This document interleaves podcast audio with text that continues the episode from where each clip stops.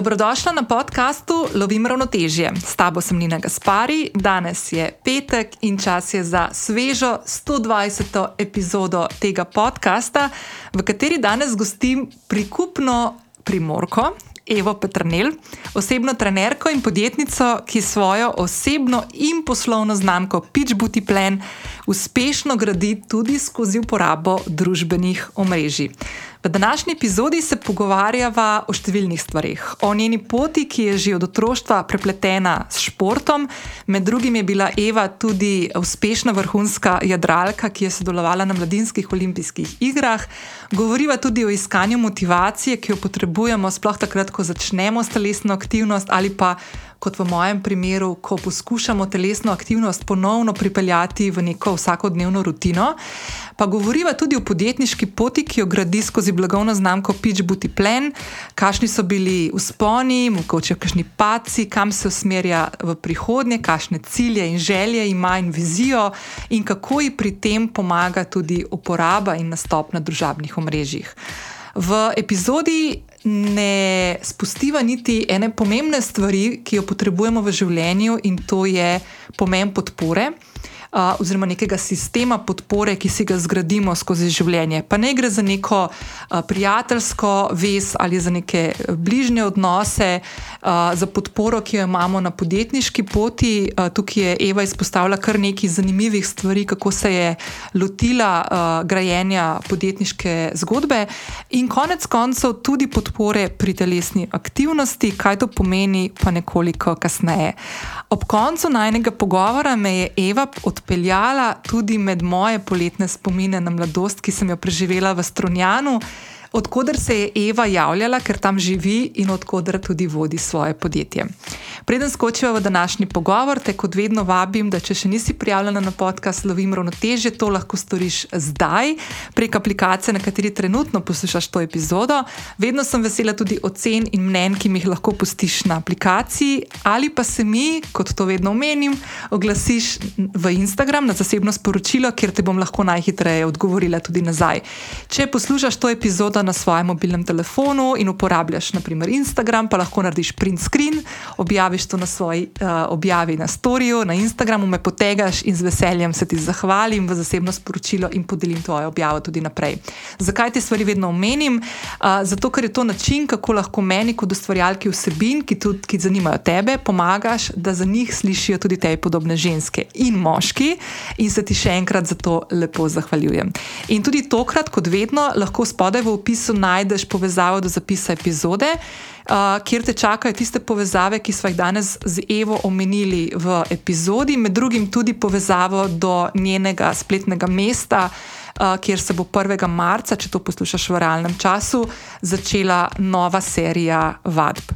120. epizoda podcasta Lovim ravnotežje je nastala v sodelovanju s podjetjem Adidas in njihovimi novimi športnimi modrčki za vsak tip ženskega oprsja. O tem nekoliko več kasneje, uživaj v pogovoru z Evo.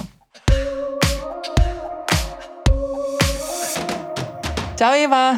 Čau. Kako si? Super. Ti? Ma, vse sem tako ponedeljkovo, deževno ponedeljkovo, ampak bom s tabo zdaj odprla nov teden. No, ja, tako da se ful, se ful veselim. Um, ej, Eva, um, v bistvu sem že v uvodu malo te predstavila, pa povedala, zakaj si danes uh, gostja v tej epizodi. Um, pa lahko še to povem, da mi dve osebno se ne poznava. Uh mhm. -huh. Tako da meni se vedno ful zanimivo pogovarjati s kakšnim sogovornikom ali pa sogovornico, ki se nisem še nikoli, naprimer, uživala. Uh, in pa sem vedno tako malo živčna, veš, tako malo mi je zdaj, tako, kako bom to zapeljala.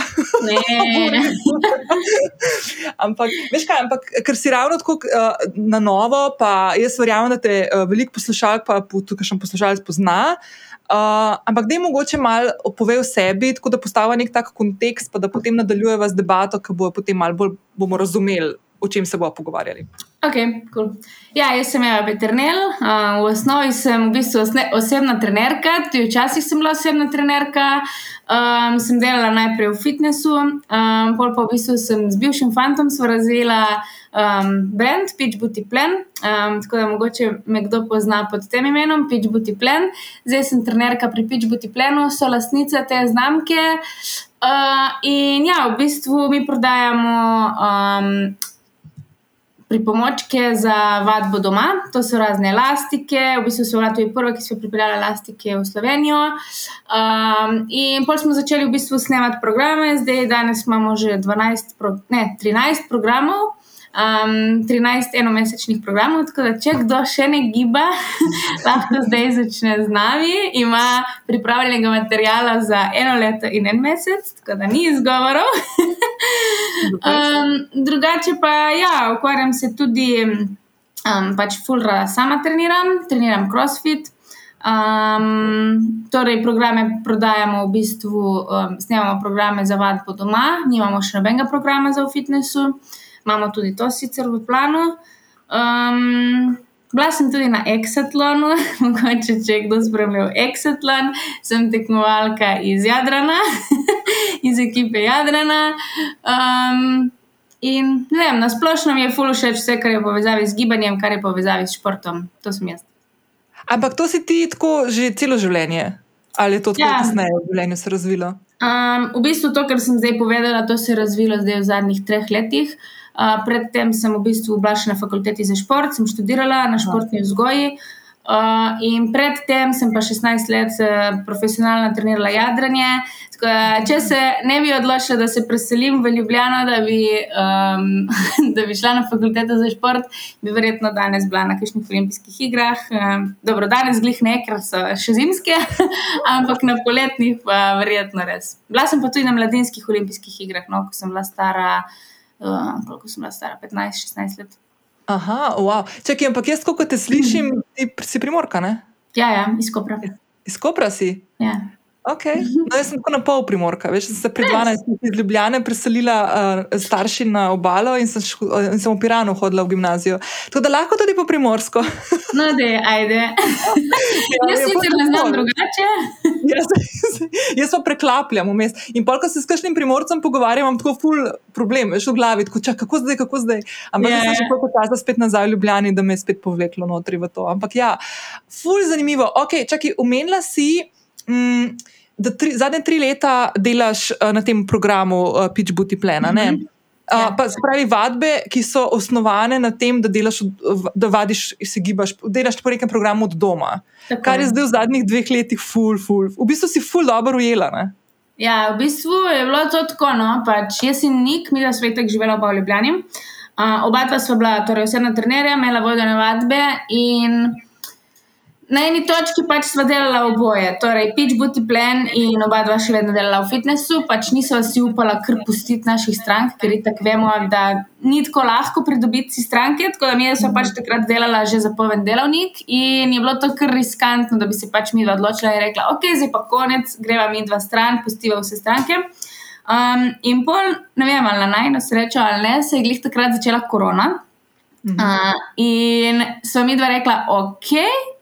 Zdaj pač imamo mi dva čas, torej, ker te fitnesi so se zaprli, imamo mi dva čas, zdaj da delamo na polno, na pač pič biti pleno. In tako smo bili vsi v karanteni, zaprti doma, in mi dva smo pač začeli tako res na polno delati. In po, mislim, da po enem tednu, desetih, desetih dnevih karantene, smo mi dva izdala ven prvi program, um, karantenski program, in pač tisto je bil v bistvu takrat res en hit. In s tistim nekako se je vse skupaj začelo, da je pač šlo tako fulgor. Mm -hmm. In kako pa vzdržuje, če še to, te, če te smemo vprašati? No? Mm -hmm. Si omenila na začetku, da si z bivšim fantom, da ja. ste to naredili. Se pravi, da potem vmes sta se razšla, ampak sta še vedno poslovna partnerja. Ja, ja tako je. Um, ja, mi dva smo v bistvu pač tako živela skupaj, bila je karantena, bila sva zaprta doma v hiši, uh, delala sva, da ne rečem, tam enih. Ja od tega, ko ostaneš, do tega, ko ne greš spat v poslu in zaspiš, pač v poslu smo se pogovarjali še vedno o poslovnih stvareh. Mm. In ni tako, da pridejo v mestu in trenutki, ko je pač full napeto, in smo ugotovili, da pač ne bo šlo to tako naprej. Zdaj, ali bo počlo in bo pač tako počlo konkretno, in bo šlo vse v rit dobesedno. Mhm. Um, ampak so se pač pravi čas to odločili, no, da smo pač rekli, ok, ima mi dva to tako zaključiti in pač nadaljujeva poslovno pot, glede na to, da tle pač dobro delava. Uh, in smo pač kot dva, ne vem, odrasla človeka, da jim reči, se tako zmenila in moram reči, da je zdaj pač res ful dobro. No, mislim, nik ima drugo punco, jaz imam drugega fanta, mi dva pač delava skupaj tako, kot je treba uh, in živiva vsak še svoj privaten del življenja. Ful dobro. Najbolj to, to je tako odraslo, kar se ful makrat zgodi na koncu realnosti, ne? da bi se na, na, tako, ja. na, na tak lep način prišlo do tega. Ful lepo, the best. Um, Da mi povej še, okay, se pravi, zdaj sta, zdaj sta v bistvu, jaz sem kar zdaj v dvojini govorila. No? Prav, ja, ja, um, zdaj sta se pravi izdala 13. 13. program, eno mesečni si rekla. Ja, ja. Okay, kako, pa gre, kako, pa to, mislim, kako pa to gradiš, ka, naprimer, zdaj, čeprav jaz razumem? Se pravi, naprimer, jaz se danes prijavim k tebi na, naprimer, na prvi mesec. In potem uh -huh. konec meseca dobim naprimer, ponudbo za to, da pridem na naslednji mesec, pa grem na drugi mesec. In se potem gradi. Ja, načeloma zdaj je to res tako, ko imamo že toliko programov, pač na začetku itek ni bilo tako. Um, zdaj v bistvu 11 programov imamo posnetih vnaprej, to pomeni, da pač mi, jaz jih pač vnaprej posnamem, pol jih damo, da jih zmontirajo, pač da je pač res huda, dobro vse uh, sproducirano. Uh -huh. uh, Medtem ko zdaj, ko sem pač prišla z Exatlona. Nismo imeli, v bistvu, jaz sem prišla decembra in ni bilo časa, da bi mi za januar posneli vnaprej. Torej, če bi jaz začela decembra mm. snemati, bi mi to posneli nekje januarja, torej bi to šlo ven komaj februarja, kar pomeni, da bi ta januarski trenutek zamudili. In smo se odločili, da bomo šli januar in februar v bistvu kar v živo in sproti zraven snemali pač še nov program, ki bo šel ven marca. Um, tako da za januarja in februarja z nikom trenirava v živo, z vsemi temi puncami. Uh, sicer ti treningi se vsi shranijo, ampak to pomeni, da mi pač prišparamo na času, ker ne rabimo snemati naprej, snemamo Aha. tisti trenutek in prišparamo na um, času produkcije. Ne? To pomeni, Aha. da pač tega se ne rabi nič montirati, ampak Aha. je vse dejansko v živo. Uh, še vedno to vse shranimo, tako da pač punce, če nimajo časa, pol snem, uh, mislim, trenirajo v bistvu za nazaj. Uh, Um, ampak istočasno pa pripravljamo pač tudi program, ki bo pa išel 1. marca, ki bo pa spet posnet v bistvu, torej, um, tako kot so vsi ostali programi, ne, ni v živo. Če ja. narediš to v živo, kaj to greš prek Zuma ali kako pri kakšni platformi? Um, ne, v bistvu se ta trenutek delamo kar preko Facebook skupine, zato ker večina Aha. članic je na Facebooku. Um, imamo zaprto skupino na Facebooku in pač v bistvu vsak mesec se one prijavijo v novo skupino s številko računa, Aha. mi jih sprejmemo v skupino in pol imamo pač v skupini uh, razne pogovore, tudi z nekom snemamo enkrat tedensko podcast, se one z nami pogovarjajo, karkoli jih zanima um, pač tako razbijamo razne mite, um, se pogovarjamo o prehrani, pošiljamo vem, recepte, um, punce se motivirajo med sabo. Pač tako je ena, ena fulepa skupnost nastane, no, ko si punce med sabo zaupajo. Ni da so Aha. samo treningi. No, vse to sem te hotela vprašati, nek trening je en del tega. Ja, ja. Se pravi, tudi recepte pa to. In um, da mi povej, mogoče, ker naprimer, jaz sem zdaj glih v tej fazi, ma ne zdaj, lažem eno leto zihar, uh mhm. -huh. da si govorim, jaz moram iti nazaj v vadbo, jaz moram iti nazaj v vadbo in ne najdem motivacije. To, no, zdaj boš prišla. ne, res ne, res ne najdem motivacije in mi je tako prav. Eh, ne vem, ne morem, ne morem se spraviti, ampak se moram. No, tako da je to best. Uh, da mi povej, kako, kako naprimer, mm, preden te vprašam malo o teh mitih. Kaj, naprimer, Ali pa kaj ti delaš, okay, ti si tako fulno noter v tem, tudi poslovno, pa celo življenje imaš prepleteno s športom in je to malo ja. drugače, kot naprimer nekomu, ki mogoče tega ni in more neke nove navade, pa rutine upeljati v ja. življenje. Um, ampak kako, naprimer, ti motiviraš, oziroma kakšen poudarek daješ in s kakšnimi prijemi motiviraš te uporabnice in uporabnike, da ostajajo skozi program, ja. da ne ja. odstopijo? Pa jaz bi rekla, da je energija full velik del tega. Pač, vem, jaz jim pravim, da res neko tako pristno, pravo energijo, da jim pač dokažem, da jaz full uživam v tem, ker pač jaz vem, da marsikdo v treningu ne uživa in mu je zato tako težko in zato ljudje odnehajo. Ampak meni je pač trening res del life, sedel in jaz si ne predstavljam, da bi živela brez da bi trenirala. In pač bi rada, da, da to občutijo tudi ostale. No? da je trening lahko del tvojega življenja, da to ni nič groznega, da v tem se ne trpi, ampak pač da v tem moraš živeti, da je to tvoja rutina. In, in hočem to na čim bolj neki iskren in pristen način pokazati, kako jaz v tem uživam, da, bo, pač, da bojo lahko tudi one na tak način živele to. Um, drugače pa. ja, ne vem, jaz bi rekla, da točno to, no. ta iskrenost in pristnost, da jim pokažem, kako jaz to sama na sebi delam. Mm. Ej, koliko, so pa, koliko so pa dolgi tvoji treningi? Ma ful odvisno, ker imamo ful različne treninge. Zdaj, recimo, vem, hit treningi so dolgi pol ure, to pomeni mm. z ogrevanjem in ohlajanjem, ker pač tek hit vadba je ful intenzivna in več kot pol ure niti ni več efektivno. Um, Medtem ko treningi za moč so tudi tam 50 minut. No. Aha, tudi. Okay. Ja.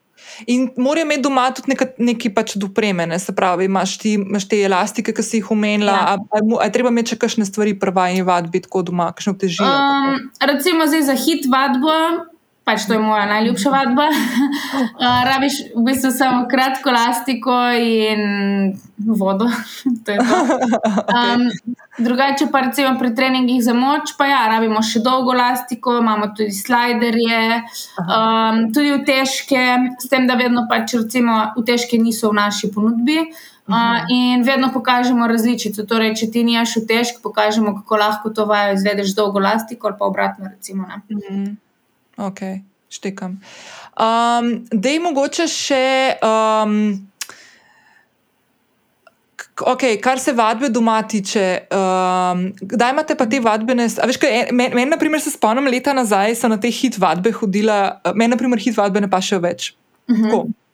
Ne vem, se mi zdi tako, da, mal, da moje telo že tako malo mogoče ne utrujeno, ker sem neki full star, ampak tako se mi zdi, da mi ne sede več. S, tako sem pa tja, kakšna mm. ja, pa vem, da bi mogla delati za moč, pa to, ampak mi, na primer, full mi bolj odgovarjajo te za kakšne um, te globje mišice, bolj te razne. Pilates. Počasne, ja, tako malo. Ja, ja. Um, Ampak, naprimer, jaz se spomnim, leta nazaj sem hodila tako ob 6:30, ob 7:00 zjutraj na te hit vadbe in sem eno obdobje ful uživala v tem. Drugače sem pa človek, naprimer, ki mi ful bolj ustreza vadba zvečer. Tudi jogo, naprimer, uh mhm. -huh. jaz sem drugače učiteljica joge. Tudi, no? uh -huh. Uh -huh. uh, in, naprimer, jaz jogo nikoli nisem zjutraj mogla delati. Ne? Čeprav je v bistvu velik del joge namenjen tudi temu, da se ti prebudiš zjutraj. Yeah. Ja. Um, kdaj imaš ti te vadbene ure, zdaj v živo, ki si jih imela? Imaš to popolnoma? Yeah. Ja. Te, vad, mislim, te zdaj uživamo, imamo 17:30. Um, ko v bistvu nekako smo tudi pač punce vprašali, da vidimo, kdaj ljudem najbolj ustreza, ker še vedno je pač uživo najbolj zabavno, um, da ne gledajo posnetka za nazaj. In pač smo ugotovili, da je to takoj po službi, in smo dali uro 17:30. Jaz sem pač si nekako želela tudi, da bi recimo hit trening imeli tudi ob 6. zjutraj. Ampak pač po odzivu punc smo pač ugotovili, da jih je res tri četrt za popoldne po službi, tako da smo pač polvali, da ohranili to uro. Aha, um, okay. Kdaj pa tebi sedaj, na primer, čisto osebno? Ti si, bolj, ti si bolj jutrni človek, tebi zjutraj sedaj. Ne, ne. ne, ne meni je tudi zjutraj mi je grozno. Pač ne vem, sploh to, kar jaz sama treniram, torej če grem jaz na svoj trening, če grem jaz na trening crossfita in prijem ti ob šestih zjutraj, jaz imam občutek, da se bom zlomila. Pač tako res mi ne paše, mi je težko. Um, Jaz sem tu za popoldan. No. Pač ne bi rekla zdaj zvečer ob devetih, ampak pač tam od šestih dalje. Ja, se če si uno zvečer ob devetih, pa se tako tukaj našopaš, da težko zaspiš spet zvečer. Ja, ja. Ampak tle se mi zdi ful pomembno, veš, zakaj mi je dobro, da se o tem pogovarjava. Ker se mi zdi doskrat tako, da, da, da ne slišimo sebe, pa da se ne poslušamo, kaj tam nam telo sporoča, kaj mu sede, pa kaj ne. ne. Ampak doskrat gremo kar mal prek tega in, in pa smo presenečeni, zakaj nas mogoče kakšna motivacija spusti. Ja. Tako, zakaj odnehamo? Tako da, ja. okay, veš, kaj bi se mal vrnila na, na to grajenje tvoje, uh, tvoje osebne, oziroma, ja, deva, tako, eno je osebna znamka, uh, mhm. eno je pa pač znamka uh, Pitch uh, Booty Plan, ki sta jo naredila z Nikom. Da mi povej, veliko, um, kar je po mojem tako že v zadnjih dveh letih, zdaj v času te pandemije, pa tako, ampak tudi prej, uh, veliko teh znamk uh, se zdaj gradi praktično skoraj izključno na družabnih omrežjih. Mislim, mhm. izključno. Pač velik poudarek je, kar je normalno, ker večino časa tam tudi preživimo. Ne? Kako si ti začela z to znamko Pitch Puti Plan, pa kako priklapljaš potem svojo osebno znamko Eva? Naprimer, prej si tudi malo omenila ta exatlon, veš, malo je tudi ja. ta povezava, da v bistvu si tudi prek svojih nekih aktivnosti širiš. Mhm. Ampak kako, kako to budiš na tem, ali gre to tako zelo organsko ali pa ne vem. Um, pa tako čisto iskreno, ko sem jaz začela s Pitchbuti plenom, sem jaz na Instagramu imela 1500 followerjev. Tako da ne morem reči, da sem bila jaz tista, ki je naredila, da se je to začelo premikati, ampak ne vem, pač res je, da smo mi začela z elastikami. So bila prva, ki so imela elastike, takrat tega noben ni poznal. In ko smo pač enkrat to dala ven, je to šlo tako od ust do ust, ona dva ima sta to, pejte to iskati k njim. Um, ampak politik pač se je začela ful razvijati v, tej smeri, pač full brandov je začela delati svoje elastike, tako da pač dan danes, kamorkoli pogledaš, so te elastike in to ni nič posebnega. Ampak v tistem trenutku, pred tremi leti, sva bila mi dva res edina, ki sva to imela. Um, smo pa bolj kar hitro v bistvu tudi poiskali pomoč pri marketingu, pač mi dva sva tako oba osebna trenerja, kar se tiče biznisa, nisva imela blage jeze, zakaj se gre. Imela sva idejo, um, imela sva neko strast do treninga, ampak kar se tiče prodaje, pa nič znanja. Tako da sva najdla pol hitro pomoč, sva se tudi učlanila v inkubator, Ljubljanski univerzitet, Ljubljanski inkubator, sva tam hodila na ena mentoriranja. Uh, še dan danes imamo kakšna mentoriranja z njimi, če kaj rabimo. Um, tako da pač ja, to je ful dobra stvar za te mlade podjetnike, no? sploh za tiste, ki recimo ne študirajo ekonomije. Mm -hmm. Um, in ja, pol smo najdli eno pomoč, um, in pol smo v bistvu skupaj to nadaljevali. No? Da, sproti smo se učili na vsaki stvari, um, nismo glih vedeli točno, kaj delava, ampak nekako sva določenim ljudem nekaj zaupala in se učila od njih, in tako največ pa se naučila iz svojih napak. No, to je ful dobro izpostaviti. Ja, pa veš, kaj to, kar si omenila, naprimer, k, zdaj čisto, da da meni med klicne, da uh, število uh, sledilcev, ki jih imaš, ni najbolj pomembna stvar ne, na tem planetu, ampak je pa lahko. Je pa pomembno, da imaš nek komunity, ki ne glede na to, kako velik je, kako je upet v neke vsebine, ki jih ti pač daješ ven od sebe. Ne. Pa me veš, kaj zanima, kdaj si ti opazila, naprimer, čisto pri sebi, da se je začel ta, da se je začel da se je začelo premikati, da so tudi tebe, kot Evo, začeli slediti. Mhm. Ali so se kakšne stvari tako zgodile, naprimer, kakšni taki premiki na poti tvoji, da je privabilo večje število ljudi, ali kaj je bilo to? Ne vem, mislim, definitivno je vse šlo nekako um, ne vem, skupaj, pač se je vse skupaj premikalo naprej. Uh, Eh, potem itak, pač, čim postaneš vsaj malček prepoznaven, te začnejo tudi druge firme kontaktirati za kakšno sodelovanje. In v bistvu. Pač se ti dejansko promoviraš njihov brand, ampak to pomeni, da te spet neka nova množica ljudi najde v njihovem brendu in pač to ljudje začnejo povezovati. In tako, recimo, ne vem, ljudje, ki spremljajo Adidas, me vidijo na Adidasu, ljudje, ki spremljajo športno prehrano, me vidijo pri Barbelsu. Um, ljudje, ki gledajo televizijo, so me videli vem, na Exatlonu. Uh, in pač si širiš to neko mrežo svoje publike, ki te pač prepozna na različnih koncih, in ti potem v bistvu vem, začnejo slediti. Ni da sem delala zdaj neki full ekstremne premike v tem, um, da bi pač čez noč postala ne vem kaj, pač pri meni gre vse tako nekako konstantno.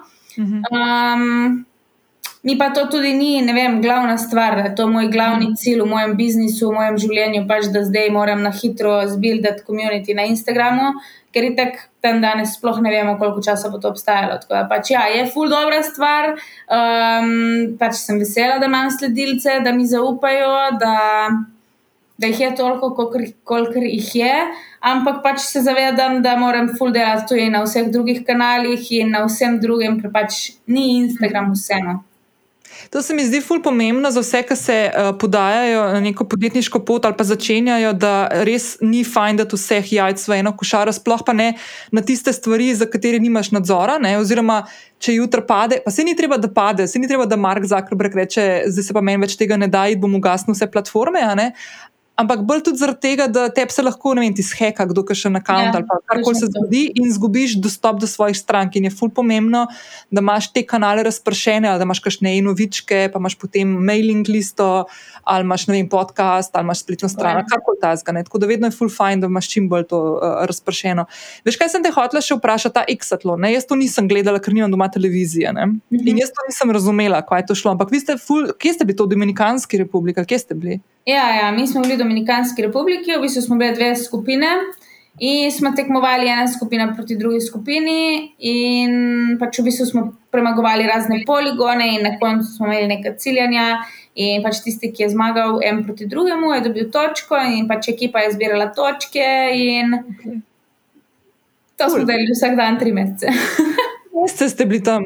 ja, jaz sem bila 94 dni. Ja. Ok. Mislim, zdaj, ko jaz tako pomislim, ker si mislim, kot le zaprta v Ljubljani že dve leti z, z občasnimi skoki z avtom v bližino, v kakšno bližino in si mislim, tako, jo, zdaj bo šala. A je bilo fajn tako, tako dominikanski pa to. Ja, Mislim, pač to nisem imela občutka, da sem na Dominikanski, ker je tako pač še zmeraj to reality show. Si ti v enem mehurčku, kamero imaš za hrbtom na vsakem koraku in pač mi nismo lutali po Dominikanski. Da, če kdo misli, da sem jaz prosto hodila po plažah Dominikanske republike, se moti. Uh, mi smo tam pošteno garali, no. pač res tako. Videla sem Karibsko morje, vse skupaj pet do šestkrat. Aha. Ja, no, vse služba je bila to, ne, v bistvu, ja, ja. Ja. ni bil neki zgled Ja. ja. počitnice. Um, ej, omenila si prej tudi uh, podjetja, s katerimi sodeluješ in kako potem tudi pač neko bazo njihovih um, supporterjev ali pa ljudi, ki radi um, kupujejo, ali pa naprimer, kot v primeru Adidas, se oblačijo v njihove izdelke, da potem pride tudi ta community pol do tebe in te sledi naprej, in da tako gradiš tudi svojo bazo naprej. Veš, kaj me zanima, na kakšen način, oziroma kaj so tiste stvari, ki so ključne ali pa tebi pomembne pri nekem takem sodelovanju? Ker verjamem, da dobiš verjetno veliko takih povpraševanj, pa ne rečeš čisto vsaki stvari ja. Ne? Uh, ok, no super. Kako, kako zbiraš, oziroma kaj more, uh, kaj, kaj, kaj, kje se morate najti, kje je tista neka stična točka ali pa več tistih stičnih točk, na katerih ti ocenjuješ potem, ali je to neko tako sodelovanje, ki bo zate dobro, pa verjetno tudi za, za, za tvoj komunity, ne, bo to sploh imelo kaj, kakšno, kakšen vpliv pozitiven ali pa ne vem, bo Ja. zanimalo tvoje sledilce Ja. in sledilke. Ja, definitivno prva stvar je to, da jaz temu brendu zaupam, torej da sem uporabnica tega brenda. Uh, ne vem, recimo Adidas pač kupujem že celo življenje sama in sem si od vedno želela, oziroma sanjala, joj, kaj si misliš, da bi jaz zdaj bila na kakšni reklami od Adidasa. In pač pol se mi je to seveda uresničilo. Um, isto je bilo za Barbels. Barbels je v bistvu ena švedska firma za um, športno prehrano. In jaz sem bila prav v bistvu na švedskem, prav sem šla tja, ker sem hotela videti ta njihov brand, iz kje prihaja, ker pač sem toliko nahajpana za ta brand.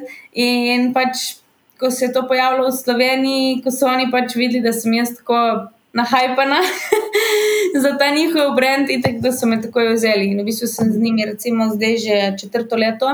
Pa recimo na začetku sem imela na Instagramu koliko sem rekla, na 1500 followerjev, 2000, ko sem z njimi začela, uh, in sem še danes z njimi. In pač, ne vem, ful mi je pomembno to, da, verjamem v brand, da spoznam ekipo, da mi je ekipa všeč. In da se to soopada z mojim načinom življenja, torej nekako s športom, z gibanjem in s tem, kar jaz delam.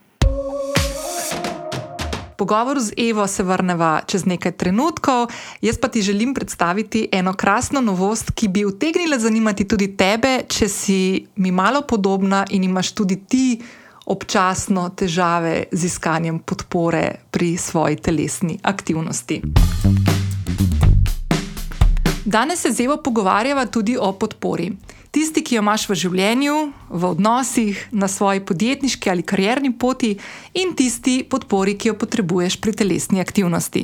Si vedela, da kar 90 odstotkov žensk nosi športni modrček napačne velikosti?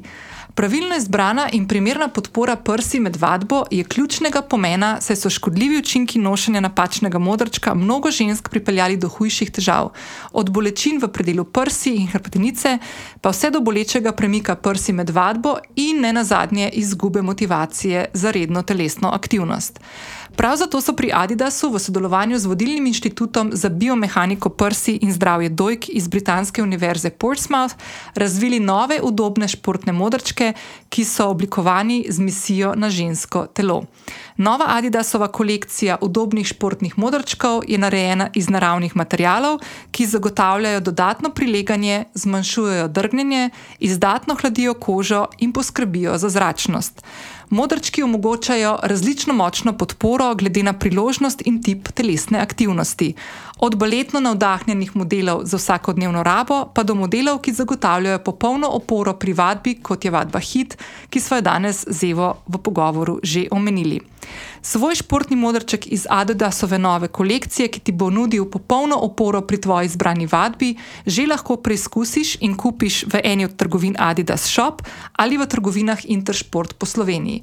V Adidas Shopu v Ljubljanski aleji ob nakupu modrčka iz nove kolekcije prejmeš tudi posebno darilo.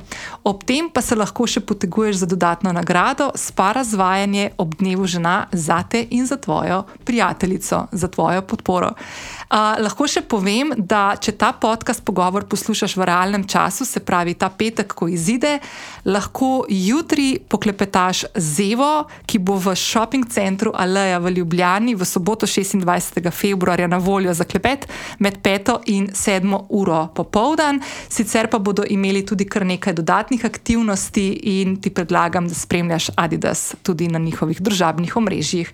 Zdaj se pa vrneva nazaj na pogovor z Evo.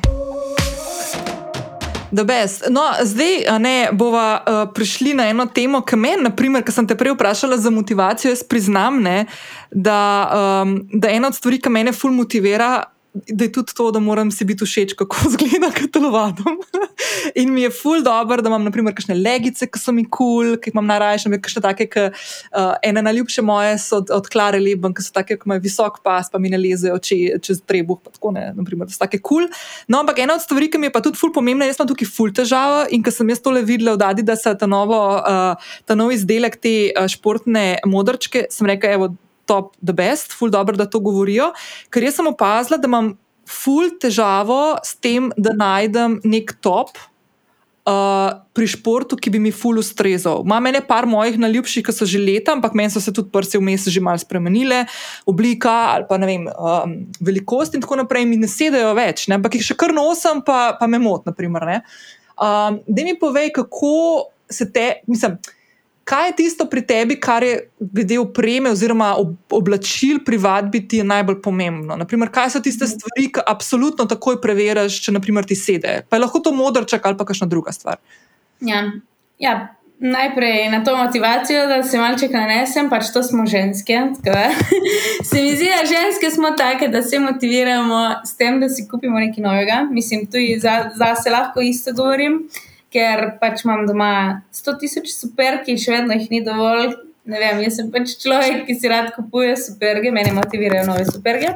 Um, drugače, pa kar se tiče oblačil, uh, se strinjam s tabo. Ja, meni je tudi ful pomembno. Najprej, da dobro zgledamo v teh stvareh, da se dobro počutimo v njih. Um, naprimer, pri pajkicah mi je ful pomembno to, da mi ne lezejo dol, zato ker jaz ja. v bistvu na mojih treningih ful skačem. In če si jaz tam non-stop te pajkice popravljam, mm -hmm. se mi zmeša. Uh, tako da pač pri pajkicah, da mi ne lezijo dol, da dobro stojijo na meni, da se ne vidi skozi, mm -hmm. da je pač dober material, tako prijeten material. In pri modrčkih, ja, da dobro primejo, um, isto pri skokih, pač, da vidim, da imajo dobro prijem, da ne vem, da prsi ne skačejo. In tudi ta modrček, da je da se je v bistvu full dobro. No. Pač sem ga že sprovala, sem ga testirala, -huh. je full lep, um, ta moja barva je full lepa, pač res oranžna, zadeli so polno. -huh. In uh, full je, um, kako se temu reče. Priročen, um, v bistvu, ker ga lahko zapneš ob strani, ne rabiš ga vleč na polno čez Aha. glavo. Pa če cel odpet, ti ga daš lepo čez glavo in šele mm. potem ga zapneš. Um, tako da je ful dobro. Ej, veš kaj, ker jaz sem zdaj, ko sem uh, dobila material od Adidasa, sem videla, mene to čist presenetilo. Da v bistvu, če imaš ti, naprimer, tako visoko intenzivno vadbo, kot so, naprimer, hit vadbe, ki smo jih že danes omenili, naprimer te jumping jacke, pa te razne fore. Ja. Da ti, če nimaš dobre opore prs, na prsnem delu, ne, da dejansko lahko pride s tako vadbo tudi do premika uh, prsi. In nekje sem prebrala tlele, ker sem jim poslala material, da tudi 19 cm se ti lahko zamaknejo stvari. Okay, veš, mislim, to niso zdaj žoki, mislim, odvisno spet, kakšne prsi imaš. Ker, naprimer, jaz ja. moram reči, jaz imam kar. Imam nekaj konkretno, naprimer, ampak je tako, uh, nikoli nisem šla za tem, ne, da ne bi opazila. Ok, priznam, da tudi sem rekla, da hit vadbe že nekaj časa delam, pa ne prakticiram. Ampak ja, in naprimer, meni so ful, zdaj v zadnjem času so mi sedeli te topi, a veš, kaj jih daš, ko je res top, ki pride skoraj do, do popka dol, veš, da je tako res ja, tako ja. velik top. Ne. Tam je naprimer ful ustrezu, je pa res, da tega naprimer definitivno ne bi mogla imeti za naprimer kakšno hit vadbo, ne, ker bi ne bi držal, ne, v redu. No. Ja, ja, ja. Ja, mislim, sigurno je, da pač se toliko bolj osredotočiš na te stvari, če dejansko imaš s tem težave. Naprimer, jaz nimam s tem težav, ker pač imam majhne.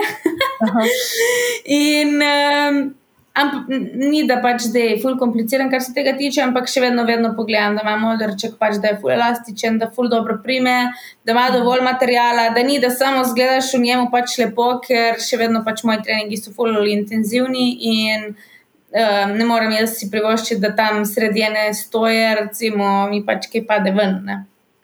Tako da je pač ja. že funkcionalno, ja. zelo pomembno.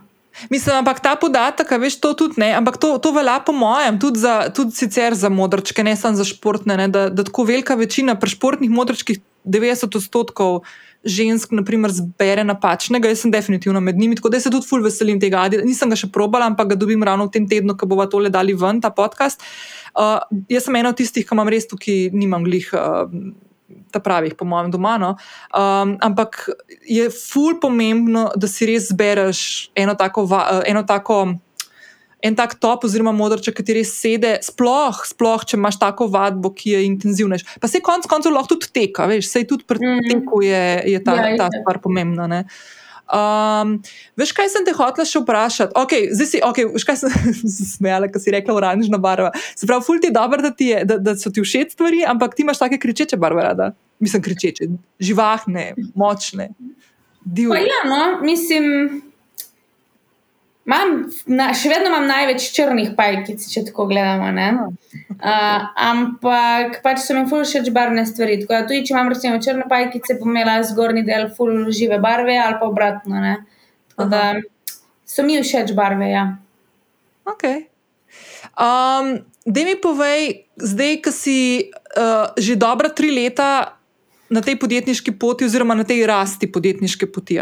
Pa zdaj si rekla, omenila si na začetku, ko smo se začeli pogovarjati, da zdaj s 1. marcem dajeta ven 13. mesec. Uh, v bistvu, mislim, zdaj ni, da pač naše programe prav poimenujemo prvi mesec, drugi, tretji, bla, bla, bla. Ampak um, imajo še zmeraj neko tematiko, torej vem, so, so različni ti programi, ampak še vedno jih lahko ti pač itak narediš Aha. enega, greš na drugega. Ni pa zdaj, da je to prav čisto nadaljevanje, bo vedno neka sprememba v tem programu. In zdaj tega, ki ga zdajemo marca, je v bistvu popolna začetnica. Torej, Za vse tiste punce, ki nikoli niso gibale, ki niso gibale deset let ali več, um, ki mogoče imajo preveč kil, ki ne morejo skakati, v glavnem pač res za tiste popolne začetnice, ki mhm. še niso začele in bojo zdaj. Okay. Top. Um, Ok, in to dajte vam 1. marca, da mi sam še povej, veš kaj, te, uh, ok, prehrana. A zraven bo še tudi kukešna hrana, pa to pride zraven, ali to imaš pa že pripravljene določene programe? Ma, mi dva z nikom rečeva tako. Pač, mi dva nisva nutricionista, mi dva si ne mhm. morava privoščiti, da bova mi dva tukaj izdala neki jedilnik in rekla, da je to primeren za vse punce, ker še mhm. zmeraj smo mi na spletu. Um, jaz teh punc ne poznam, nikoli nisem mhm. videla nobene v živo, ne vem, kako izgledajo, ne vem, kakšne imajo probleme, kakšen je njihov način življenja. In si ne morem privoščiti, da bom da je rekla, jaz pa zdaj tukaj izdam jedilnik in ta jedilnik je primeren za vse, ker to ni res. Um, in pač imamo prehranske uh, smernice, torej pač še zmeraj učimo o zdravi prehrani. Uh, ne dajemo pa tukaj specifično ven nekih jedilnikov s preračunanimi kalorijami, mm -hmm. ker ne vem, ne podpiramo naj, najbolj tega. Ne, pa se to je čisto po mojem razumljivo. Se, če ti človeka ne vidiš, pa to pa ne veš, kakšno ima sicer, ali pa lifestyle, konc koncev, ne se, se ja, veš, ne. en kupenih faktorjev. Ampak so pa neke stvari, ki so pa pač skupne neki zdravi prehrani. Dej, naprimer, ja, ja. naprimer, kaj imaš ti tako? Um, kaj je za te tako nek zdrav obrok? Primer, kaj, kaj za zajtrk si ponovadi? Kaj je tista, oh, okay. tvoj najljubši zajtrk, ki si ga narediš? Najljubši. Ma moj najljubši, vsak dan imam jajca za zajtrk, um, okay. ker so najhitreje narejena, ker porabim točno pet minut, da jih naredim in da jih pojem. Um, drugače pa najljubši, kakšen krat ob vikendih, je um, torej avokado zmečkan s tuno, v tak namaz, avokado tuno namaz. Okay. In uh, na toast kruhu. Pač to je moj najljubši zajtrk, ampak to jem enkrat na mesec. A res? Če kako si pa ja. jajca narediš drugače, kot si rekel, v dveh minutah, kaj si jih zmešaš, umešane ja. jajca? Zmešam Aha. malo soli in to je to. A res? Ok. Mhm. okay. No, jaz sem si jih ta vikend. ne kompliciraš. Ne, sej, jaz sem si glih ta vikend, ker jaz ponavadi za vikende delam zajtrk tudi pol urice, si vzamem čas in naredim. In zdaj mi ful sede, naprimer, da na mest kruha, ki ga v zadnjem času res tako ful preveč pojem, um, da naprimer naredim um, sladek krompir v pečici, tako ga narežem veš na kolobarčke in ga dam v pečico, pa pa dam zraven še malancan. V to ti lahko zdaj dam recept, en full hud. Ja. Uh, kaj naredim malancan? Ga narežem na te um, kolobarčke, ali kako se reče, na koleščka. ja. In potem ga premažem z eno marinado, ki jo naredim tako, da dam enako, enako dimenzijo, ne vem, eno žličko jedilno. Naprimer, soj, um, uh, tamariju make, uh, sezamovega olja, pa uh, uh, te sladke misopaste, to fer, ta fermentirana. Tako naredi, veš kaj, ful tako lepo zapeče, tako hrustljav rata, pa tako mal karameliziran. In dam to, naprimer, dam tako pol na krožnik, veš, najprej krompir, pol dam malancan, pol dam, naprimer, mal uh, špinače mlade, naprimer, pa pa čez jajca na oko. What? Pa ti, ti si pa res vzameš čas. Bravo. Jaz se zdaj že hitro naredim. In prav ta vikend sem si mislila, ker naprimer danes, preden smo se dobili, ker uh, sem videla, da si, zato- te moram vprašati, da se ti zbujaš zjutraj, ne? ker, ker si rekel, da se ob osmih dobiva, sem lahko, uh, da je mogoče malo mal kasneje. Ker jaz pred deseto ponavadi ne štartam s takimi stvarmi, ker pa imam jaz, hočem te počasne rutine, pa to med zjutraj. In sem si prav rekla, da bi tudi zdaj čez teden začela malo bolj, ker jaz čez teden si naredim pa na en granolo, pa jogurt, veš, ko brez veze. Aha. Ja, tudi nekaj tako fulno hitrega, pa nekaj Ja. tako hranljivega, ampak ni glih nekaj tako uravnoteženo, moram reči. No. Um, da mi povej, kako tvoja jutra izgledajo pri tebi? tako? A imaš kakšne rutine, a imaš kaj tako? Ma, ne bi rekla, da temu nimam glih rutin, zato ker moje življenje je full pestro in vsak dan eh, me nekaj čaka, nekaj drugega, tako da ni, da imam vsak dan isti dan. Tako da nimam nekih posebnih rutin. Um, nič, vstanem zjutraj, odvisno, koliko se mi mudi. Dajmo reči med šesto in sedmo. Okay. Um, vstanem, pojem zajtrk in pol ali nekam pičim, nekam stran, ali pa prižgem računalnik in najprej nekako pogledam, kakšno je stanje, um, nekako tako naredim, kako se temu reče. En pregled vsega, Aha. In pol v bistvu se slišimo še z našimi ostalimi iz Pitchboti plena, naredimo plan, se pogovorimo in pol začnemo delati, kar imamo vsak za delati. Zdaj jaz si tako trenutno snemam programe, tako da ta trenutek, ne vem, moje zadnja dva tedna zgleda tako, da ja, zjutraj vstanem, pojem zajtrk in grem snemat. Tako da Kje pa snemaš, ne snemaš doma, mislim, imaš tako prav, imaš nek plat na jed ali kako? Um, ma, v bistvu imeli smo, ja, v bistvu vsak program snemamo nekje drugje, da ni vedno isti kader.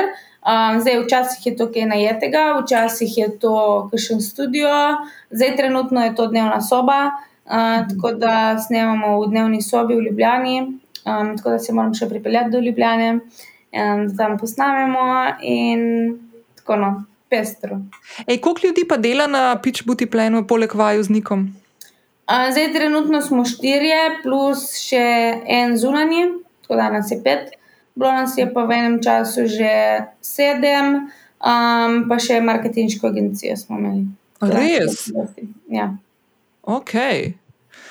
Zanimivo. Okay, da mi povej, kaj, pa, kaj načrtuje, okay, v letošnjem letu, pač zdaj le marca, da te ven ta nov program.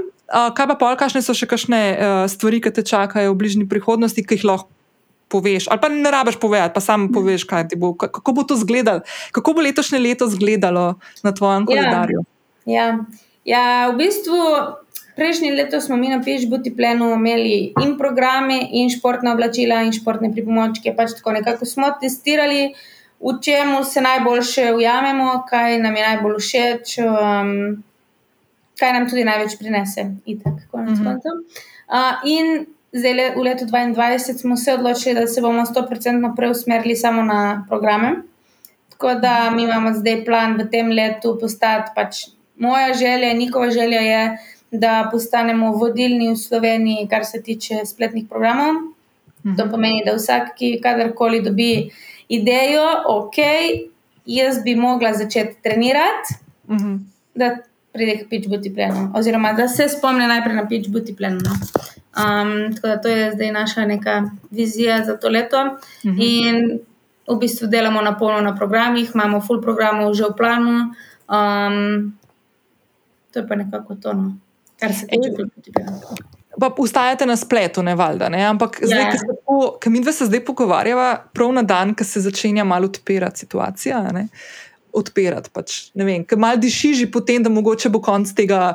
Ja. Da ne rečem, kakšne grde besede. Ampak, ja, um, da mi povej, ali bo mogoče tudi kakšna stvar, a, a te tako kaj vleče, da bi kakšno stvar v živo naredila?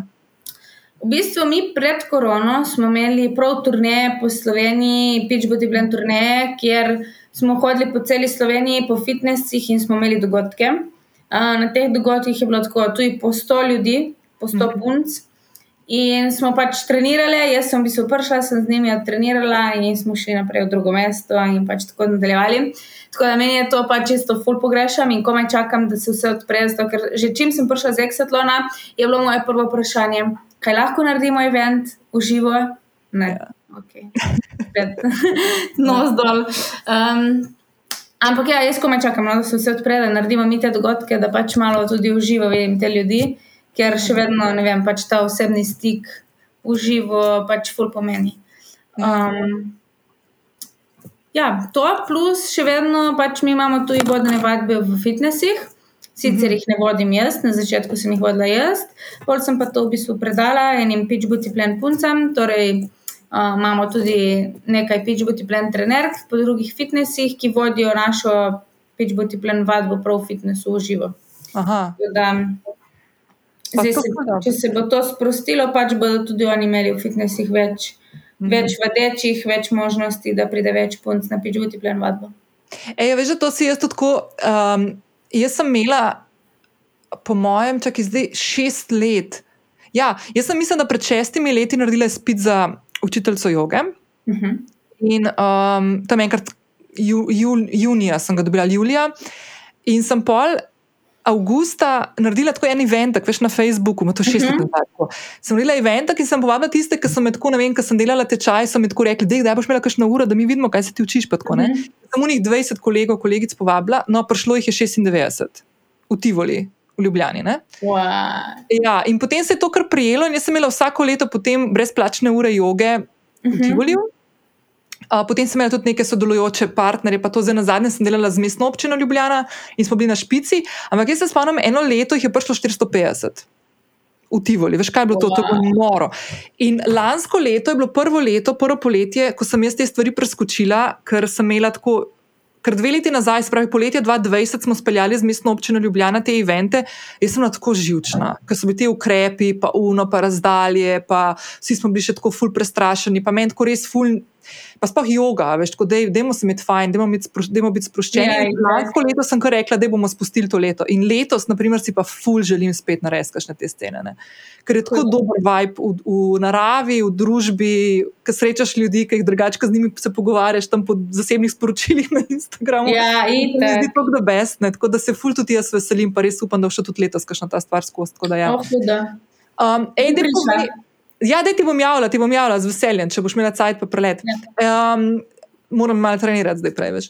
Ampak ja, da mi povej, kje, kje iščeš navdihu že? Kaj je tista stvar, ki naprimer, te ful zapolni, ki imaš naprimer, mogoče tako zase čas ali pa ne vem.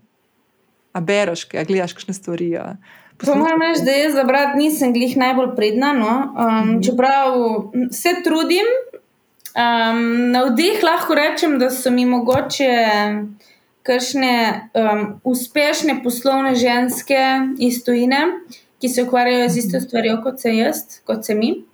Um, ne, v tem primeru je to tudi ena fitneserka, Krisi Čela. Ne vem, če poznaš. Aha. Ma, mogoče, da sem slišala, ampak nisem pa zihar, bom šla pogledat. No, ker si čela, ne vem, tudi njeno, njeno knjigo zdaj berem. Ona je v bistvu tudi uh, trenerka, začela kot osebna trenerka in zdaj danes ima ne vem koliko milijonsko podjetje za sabo s športnimi oblačili in um, športnimi programi. Mhm. Um, in druga je Denis Moberg in njen, njen fant, mož, ki Mhm. je v bistvu pa solastnik Barbelsa, to je pa ta brand, ki sem Aha, tudi jaz njihova ambasadorka. Aha. Ja, tako da nekako oni so mi tam navdih in nekako bi si jaz želela biti na istem mestu kot so. Ne, ful mi je dobro, tako, si, ful, uh, si tako ful ambiciozna, pa to, kar si prej omenila, ne, kaj, kakšno imate plane za letošnje leto, se mi zdi to ful da best. Kje pa tako, um, kje, Mislim, to je tako ne, ne lepo vprašanje, ampak te bom vseeno vprašala. Um, Meni gre to vprašanje fulno živce drugače, ampak te bom vseeno vprašala. Pa lahko rečeš, da ne grem nekam. Ampak kje se, tako, kje, kje se vidi, čez pet let, naprimer, ali pa čez deset let?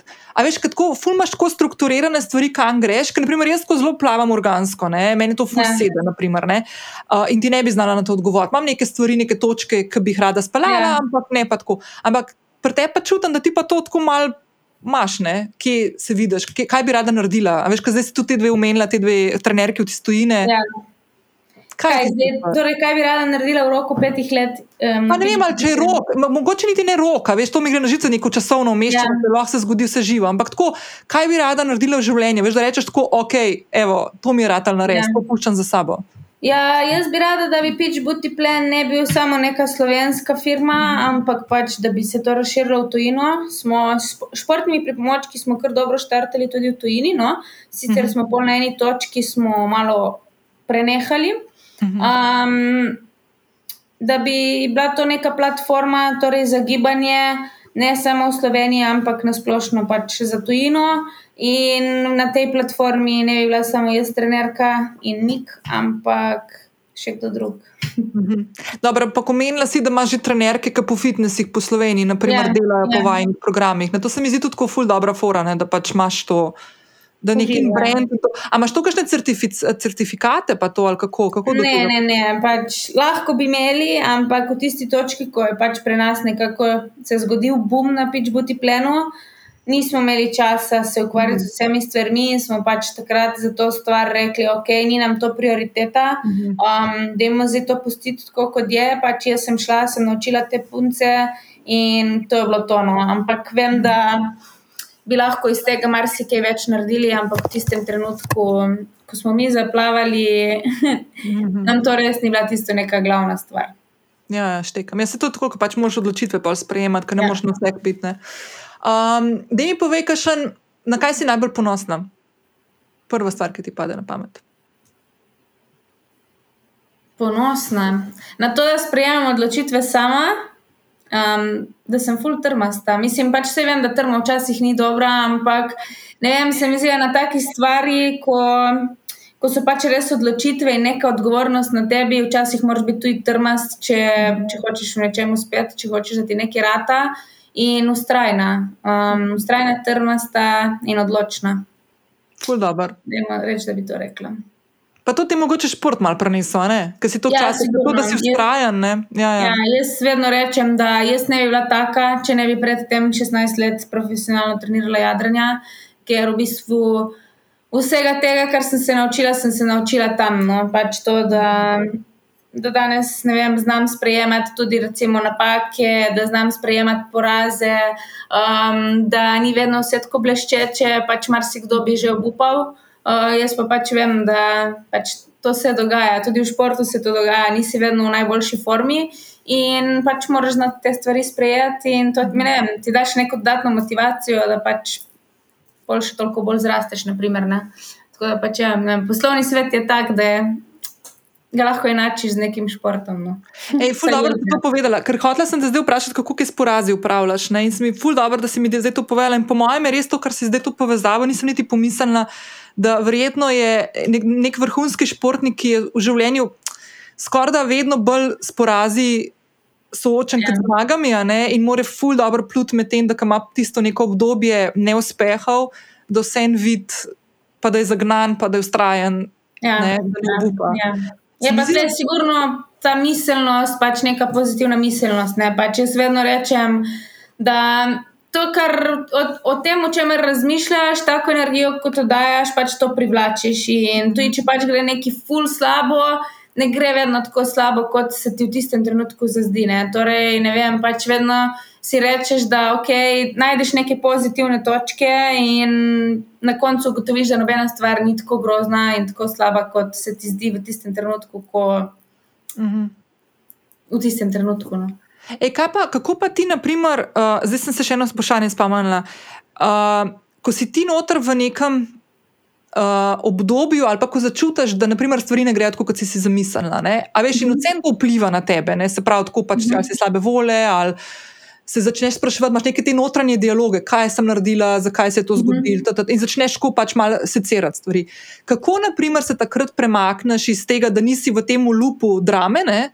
Ja. Kaj so te stvari, ki jih mogoče, imaš kakšne stvari, ki jih ponavadi zatečeš k njim, zato ker so se ti že v preteklosti izkazale za načine, kako priješ ven iz tega, Ja. ali kako to upravljaš? Ma jaz moram reči, da ko gre meni nekaj slabo, um, oziroma ko gre tako, ne gre tako, kot sem si zamislila, mene to še dodatno motivira. Jaz ne vem, če se to dogaja tudi pri drugih ljudeh, ampak jaz, ko vidim, da nekaj ne gre, jaz dobim še večjo zagnanost, da pač ne vem, je to še nek večji izziv, ki ga hočem premagati. Um, torej, ko nekaj ne gre, oziroma ne gre v tej smeri, kot si zamislim, takrat ne obupam, se ne smilim sama sebi, se ne jočem, ampak pač dobim nek tak bojni plan v glavi, ki vem, da bo to pač premagal in dejansko pol vedno to premagam. Tako da, Mm. ne vem, mene te stvari vedno težje, ko je, vedno bolj me motivirajo, vedno, ne vem, ful imam rada izzive. No? Pač, meni je všeč to, da ni vse prelahko. Aha, pač nekaj, nekaj mora biti, da nekaj narediš. The best, the best. Ej, da mi povej še tvoj sistem, ker danes govorijo o, o, o podpori pa oporah. Da mi povej, uh, kakšen sistem podpore imaš ti okrog sebe, kdo so ljudje, ki te stojijo ob strani na tvoji poti. Pa, ja. Ja. se ti zdi to pomemben, naprimer? Ja, ja, se mi zdi ful pomembno, definitivno pač moja družina, moje najbližje prijateljice. Um, tu je v bistvu tako, spoznaš, ne vem, mislim, čez čas spoznaš tako, ko pač postaneš malo, ne reči, malo neznan, nek vplivneš. Um, si začneš delati vedno manjši krog teh pravih ljudi, ki jih imaš res rad. Ne? In bolj na koncu ugotoviš, da so to res tvoja družina in tvoje prijateljice, ki so tvoje prijateljice še iz vrca, ko nisi niti vedel, da si živ. Ne? Tako da pač moram reči, da tako res tisti pravi krok uh, sem naredila kar majhen. Um, in pač njim res 100% zaupam in vem, da so moja prava podpora. Ostali so pa, ne vem, pač površinska prijateljstva, kako naj temu rečem. Pridejo pa grejo. Pridejo pa grejo, ko kaj rabijo. Uh, ne vem, pač ne sklepam nekih ful globokih odnosov z vsemi. No, pač tako res Aha. Imam malo ljudi, ki jih imam tako res za svoje. Se to, koliko si ti stara, koliko si 27, 28? 26. 26, ok. Ja.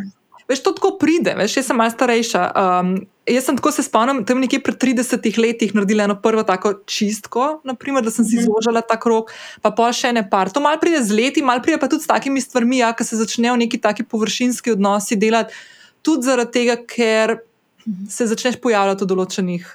Ali krogih, ali pa odpiraš ta prostor, veš, ker s svojo pojavnostjo na družabnih omrežjih hitro uh, širiš nekaj ta. ima Ljudje Ja. občutek, da te poznajo, veš, tako ne. Ja.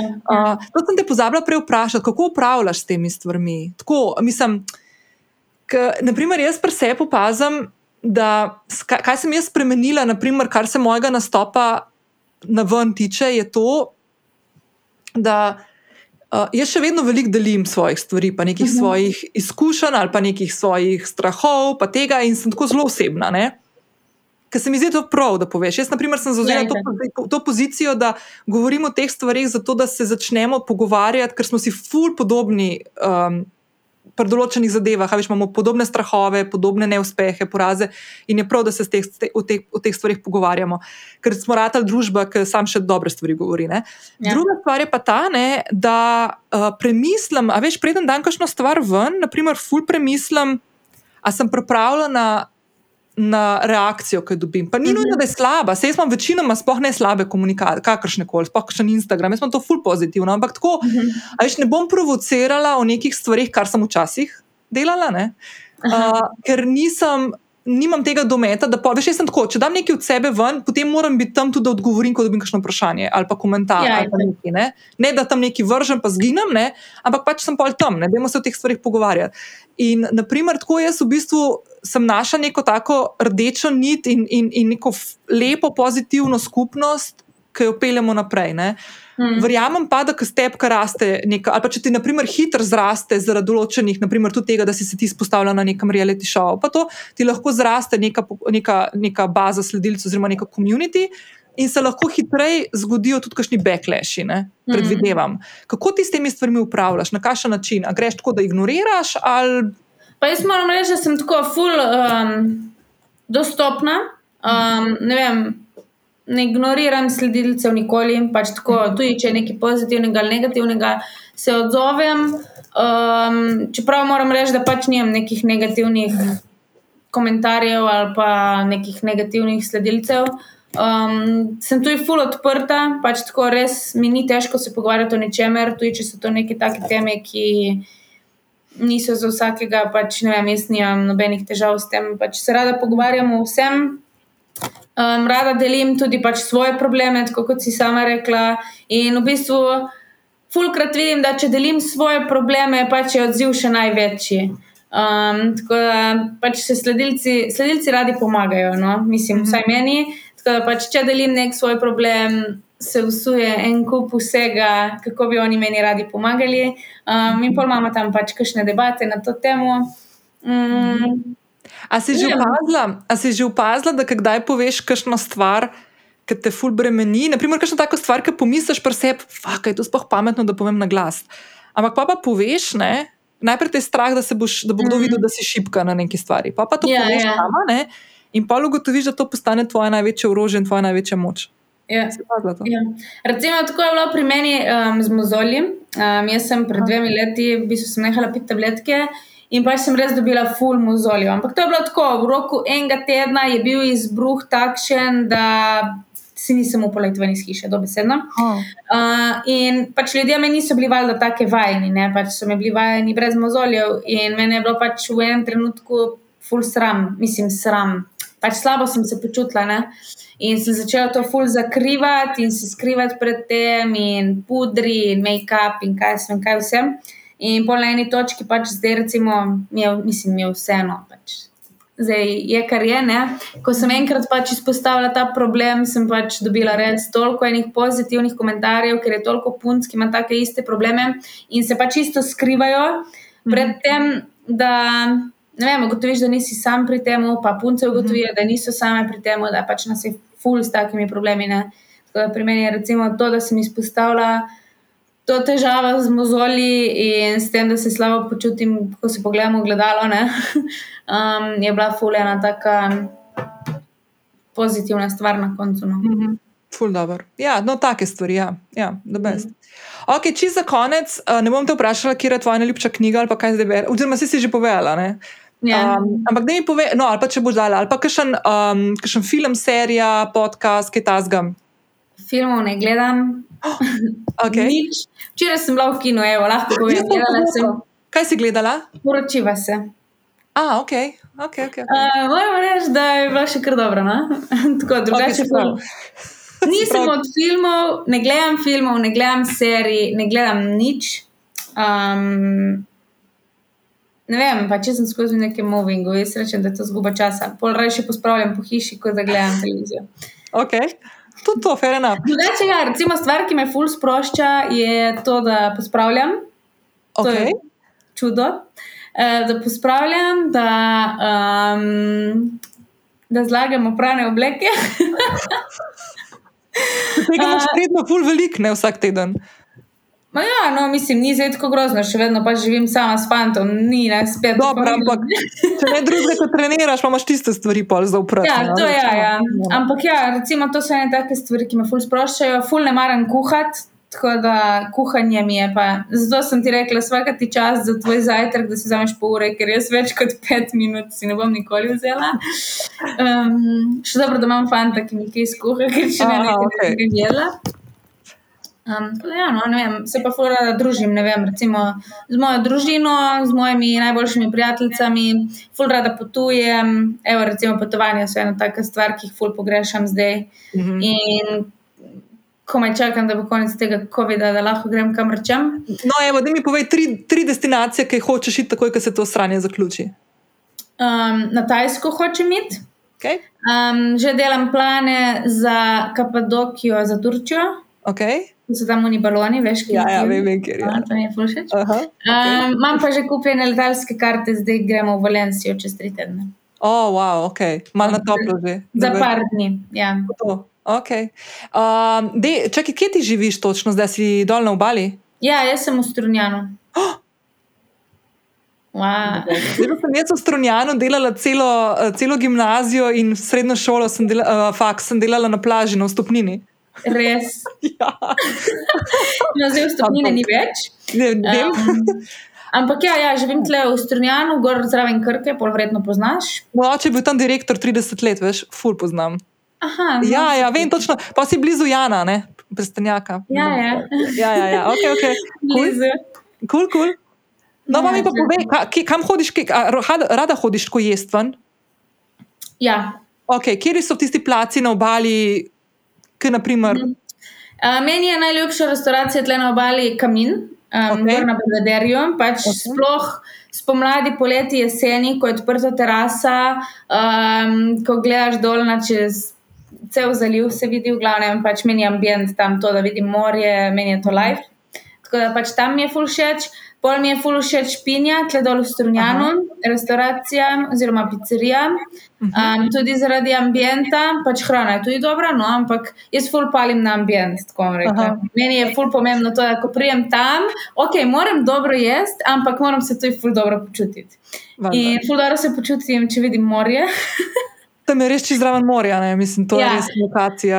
Ja. Gledaš tam sončni zahod in lepo ješ, um, klepetaš, pač tako ful dobro. Ej, a iz, Pinje, a iz terase od Pinje se vidi tudi uh, cerkvica v Piranu ali je že Ja, tako ja. notri? A se še vidi? Ja, ja, se vidi, cel Piran, v bistvu cel zaliv se vidi. In ful lepi sončni zahodi. Okay. Um, drugače pa ful dobro je za jesti v Olki v Vanganelu. Aha, ok. No, evo, Cool. to so moje top tri. O, bravo, ok. Top. Ta kamin imam tudi jaz že ogledam, kar nekaj časa, pa čakam, da bo lepše, pa toplejše vreme. tako Ja, ja, ja, mora biti obvezno terasa odprta. Mm, ja, ja. ja, super, Eva. Da best, ful hvala za tale pogovor. Uh, jaz sem že malo pozabila, da je ponedeljek in da sem bila malo zalepljena zjutraj in evo, sem polna energije, tako da ful hvala. Um, nič, uh, jaz še to, da povem, no, kot sem v začetku povedala, da vse, kar smo se danes pogovarjali, vključno z povezavami do evinih platform, uh, za vse tiste, ki mogoče hočete začeti uh, trenirati marca meseca, boste dobili tudi v zapisu epizode, tako da skočite še tja. Eva, hvala, lepo bodi, pa uh, ne te pelje tvoja pot čez vse une izzive, ki jih hočeš premagovati, Ja. pa, pa da ti ratajo te uh, cilji, ki si si jih postavila. Tako da, Ja, hvala tudi tebi. Um, upam, da smo kaj pametnega povedali, smo, valjda. da je bilo kaj uporabnega in upam, da smo kakšno punco zmotivirali, da začne gibati. Tudi jaz, tudi jaz, vključno z mano. Tako da se, se slišiva še na to temo. Lepo bo.